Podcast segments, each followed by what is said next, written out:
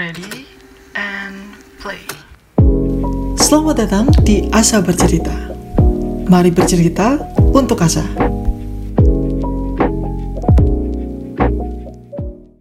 Halo halo sobat Asa Bercerita, selamat datang di podcast Asa Bercerita. Nah, kenalin nih, aku Dira bersama partner aku.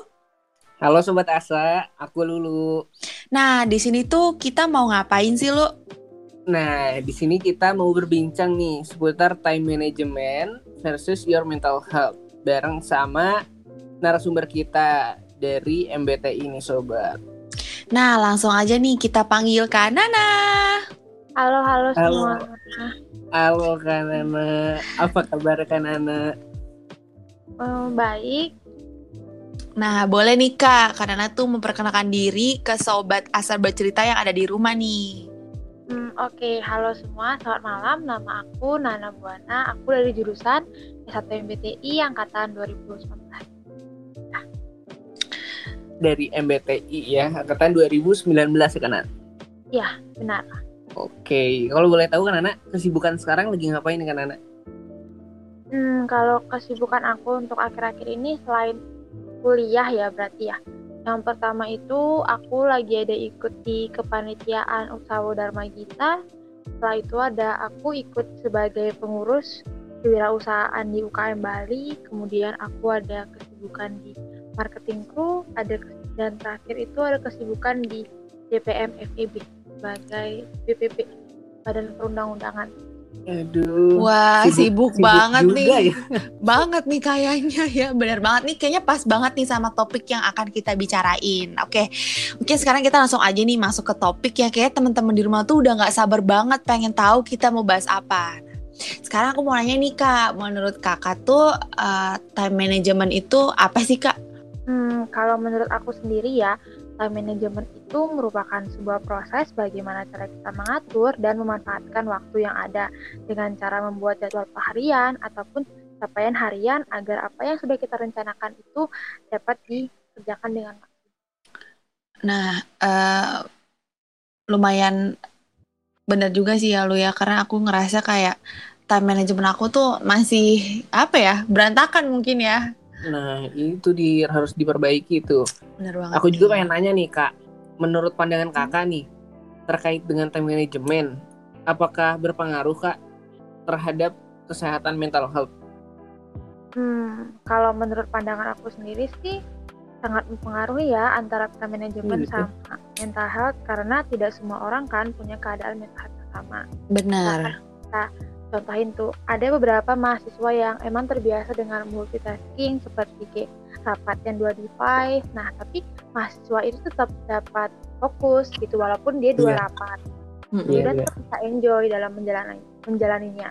Terus ada juga mahasiswa yang kayak tidak terbiasa dengan multitasking, jadi dia tuh lebih nyaman fokus kerjaan satu aja. Misalkan dia pilih untuk sa- satu rapat, ya satu rapat itu aja, satu kepanitiaan, satu kepanitiaan itu aja. Iya iya. iya.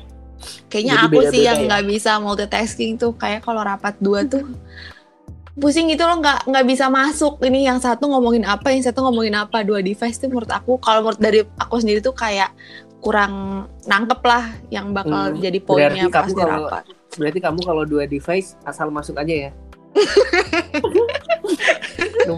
yang, penting kamu masuk gitu ya. yang penting aku Oh, rapat. gitu. Yang penting hadir kalau kayak Iya. gitu mah. Oh, jangan di gitu. spill, jangan di spill ya. Ini kan nanti didengar sama sama kakak di rumah. Aduh maaf ya jangan blacklist aku ya kawan-kawan. Oke nih.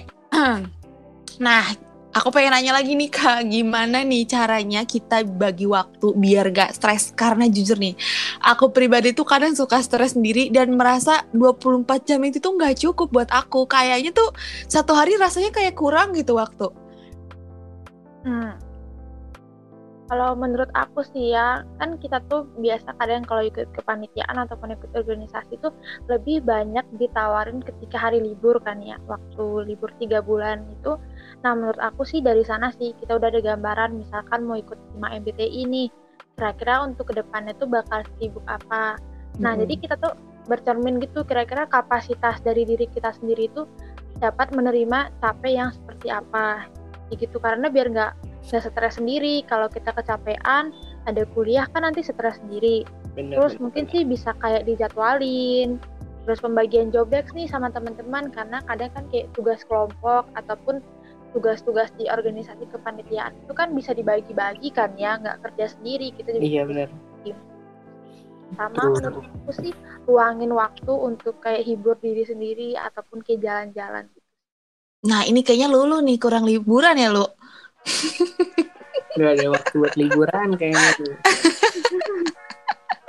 Iya, bener. benar dan nggak stres Iya benar banget nih. Ini penting banget sih ya buat teman-teman asa karena kita juga pasti ngerasain di mana waktu tuh rasanya kurang dari kuliah, organisasi, belum lagi kerja, terus proker-proker yang banyak banget nih penting banget nih buat dengerin podcast ini nih dari Kak Nana.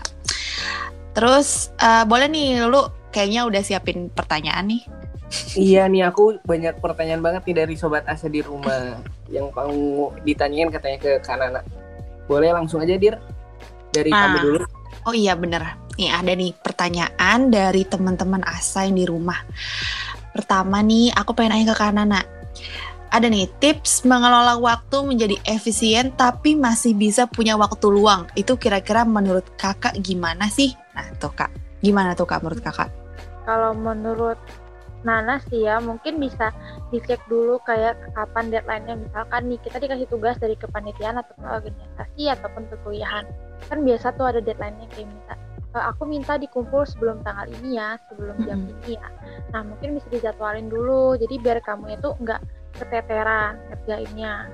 Nah terus tuh biasanya kan kalau kita mau ada rapat-rapat atau mau kerja kelompok kan biasanya kita milih hari kan atau milih waktu. Nah kamu lihat lagi di jadwal kamu apakah di hari itu dan di waktu itu masih ada waktu luang atau enggak. Kalau masih ada waktu luang ya digasin aja. Kalau emang udah numpuk jangan terlalu dipaksain. Hmm, Berarti sebenarnya kita tuh nggak boleh kayak maksa diri ya kak kalau kita udah capek ya udah istirahat dulu berhenti dulu nanti kalau misalnya deadline-nya makanya kita ngerjain waktunya ngerjain sesuatu itu jangan pas mepet-mepet deadline biar kita masih bisa punya waktu luang bener gak kak? Mm-mm, iya gitu Oke, ini ada lagi nih kak pertanyaan dari teman-teman Asa. Katanya time management itu sebenarnya ada patokannya nggak sih kak? Nah tuh kak, gimana menurut kakak? Hmm, kalau menurut aku sih patokan untuk time management itu balik lagi ke jadwalnya dia. Misalkan nih kalau jadwalnya dia menum- menumpuk ataupun kesibukannya dia, dia di hari itu, nah itu dia harus ngebagi. Nah jadi patokannya itu sesuai dengan kegiatannya dia sendiri. Jadi balik ke masing-masing diri sih menurut aku karena kan kadang ada tuh hari Jumat biasanya sih kepanitiaan ataupun organisasi yang sama-sama rapat dan biasanya itu jam 7 atau jam setengah 8 itu kan biasa jam-jam rapat nah itu harusnya dibagi gitu, biar nggak numpuk di hari itu semua Betul. bener betul. Nah yang mau ini, buat rapat ya. ya betul. Atur atur. Apalagi jangan ngambil waktu weekend Sabtu Minggu itu waktunya buat refreshing. Ini kayaknya curahan hati Lulu. nah, ini Lanjut kayaknya deh. Dari Lulu nih ada lagi nih pertanyaan dari teman-teman Asa. Boleh Iya. dibacain nih lu? Gimana lu? Iya nih ada pertanyaan juga nih dari sobat asa di rumah dari Widodo katanya. Bagaimana problem solving kalau semisal time management kita sendiri udah kerasa banget berantakan. Terus menurut Kanana hal pertama apa yang harus kita lakuin kak? Hmm, kalau menurut aku hal-hal yang harus dilakukan ya itu tuh yang pertama balik lagi kayak yang tadi atur ulang deadline dari kerjaan kalian terus mengatur ulang jadwal dan terus yang paling penting sih ini itu adalah kasih waktu diri sendiri untuk istirahat. Kalau kalian ngerasa kayak time management kalian berantakan itu kan artinya itu udah kayak kalian udah stres gitu loh burn out gitu loh. Nah jadi kalian istirahat dulu kayak ya beberapa jam atau enggak sehari dua hari gitu jalan-jalan sendiri ataupun kayak nonton tiduran kayak gitu Ini kayaknya pertanyaan nomor tiga Hmm. mewakili pertanyaan aku juga sih nih. kayaknya aku Capek butuh, ya? iya bener kak, bener banget. Capek tuh kayak kadang ya, saking banyaknya yang mau kita kerjain, itu tuh aku sampai lupa mana yang mau aku duluin. Saking banyaknya Iya, kadang-kadang ya. nih kadang aku udah ngelis nih. Aku tuh uh, kalau misalnya uh, kayak proker, kuliah dan segala macam aku udah udah ngelis. Dan terutama kan buat anak-anak uh, kuliah nih kayak kita yang paling diutamain diutamain itu kan kita harus ini ya apa fokus kuliah dulu. Nanti masalah organisasi itu gimana cara kita memanajemen waktu kita dengan organisasi. Jadi aku nggak mau kayak organisasi itu jadi nomor satu gitu di kuliah. Nah kayak gitu. Dan kadang-kadang udah ngelis juga, tiba-tiba ada masuk nih, ini deadline nih tiba-tiba uh, hari Senin ya gitu. Padahal uh, tadinya harusnya hari Jumat. Terus kayak ya itu dari yang kayak gitu jadi masuk-masuk deadline yang harusnya tidak pada waktunya. Nah itu kadang kita suka bingung kan gimana caranya uh, ngebagi waktunya itu. Jadi kayak harus kita harus pertama ngapain dulu ya gitu. gitu sih. Nah, itulah beberapa pertanyaan dari Sobat Asa yang ada di rumah. Nah, dari Kanana sendiri nih, ada nggak sih yang mau disampaikan untuk sahabat Asa di rumah? Mungkin mereka punya masalah yang sama buat kayak kita, teman-teman nih, kuliah gitu. Hmm, kalau dari aku sih ya balik lagi kayak tadi, itu adalah lihat dulu ke diri kalian, kapasitas diri kalian itu cukup sampai seberapa, terus jangan lupa kita kan ada kuliah di mana mm-hmm. kuliah itu ada tugas dan kadang ada yang dosen yang kayak ngasih tugas di luar jam kuliah dia terus Betul. ada ngasih deadline yang mepet dan kalian pun kadang keteteran juga kan mm-hmm. ada pun yang kayak begadang sampai pagi sampai pagi tiap hari tiap hari itu kan nggak baik ya mm-hmm. karena kan kita juga harus tidur yang cukup terus jangan lupa kayak minum vitamin karena kalau kalian begadang minum vitamin dan pastinya banyak dong mahasiswa-mahasiswa yang kayak makannya telat gara-gara harus kelas, harus kepanitiaan dulu. Jadi kalian tuh harus utamakan diri kalian sendiri menurut aku. Nah bener banget. Jadi sebenarnya ketika kita bisa memanajemen waktu dengan baik itu ngaruh banget sama kesehatan mental kita dan kesehatan diri kita sendiri juga ya kak ya. Iya. Bener. Iya oke okay lah. Itulah perbincangan kita tentang time management versus mental health. Untuk kalian yang masih penasaran dan pengen dengerin podcast-podcast dari masa bercerita, bisa banget nih untuk buka uh, Spotify kalian, cari aja Hima MBTI. Terus juga bisa follow pembicara kita. IG-nya apa nih kak? Uh, eh, IG aku Nana Buana N A N A B H U A N A. Ya. Nah, jangan lupa nah. nih guys buat follow Kak Nananya buat kalian yang masih pengen nanya-nanya. Karena Kak Nana juga apa ya uh, menurut aku Kanana itu banyak juga yang aku lihat Kanana tuh banyak banget aktif di organisasi tapi masih bisa memanage waktu dengan baik. Itu keren banget hmm, sih. keren keren. Nih buat kalian teman-teman asa yang pengen tahu gimana cara bisa nih follow harus follow pokoknya ya guys. Nanti nah, kalau kalau pengen tanya-tanya gitu sobat asa boleh ke Kanana ke DM gitu? Boleh dong boleh DM oh boleh banget. Oh boleh. Terbuka untuk umum ya kak? Ya umum Nah, jangan lupa juga nih buat kepoin seputar podcast-podcast kita yang lain dan stay tune terus di Instagram kami at mbti.relation.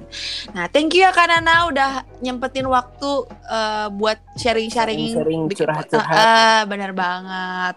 Thank you juga buat Sobat AC yang ada di rumah. Sampai jumpa semuanya. Sampai jumpa.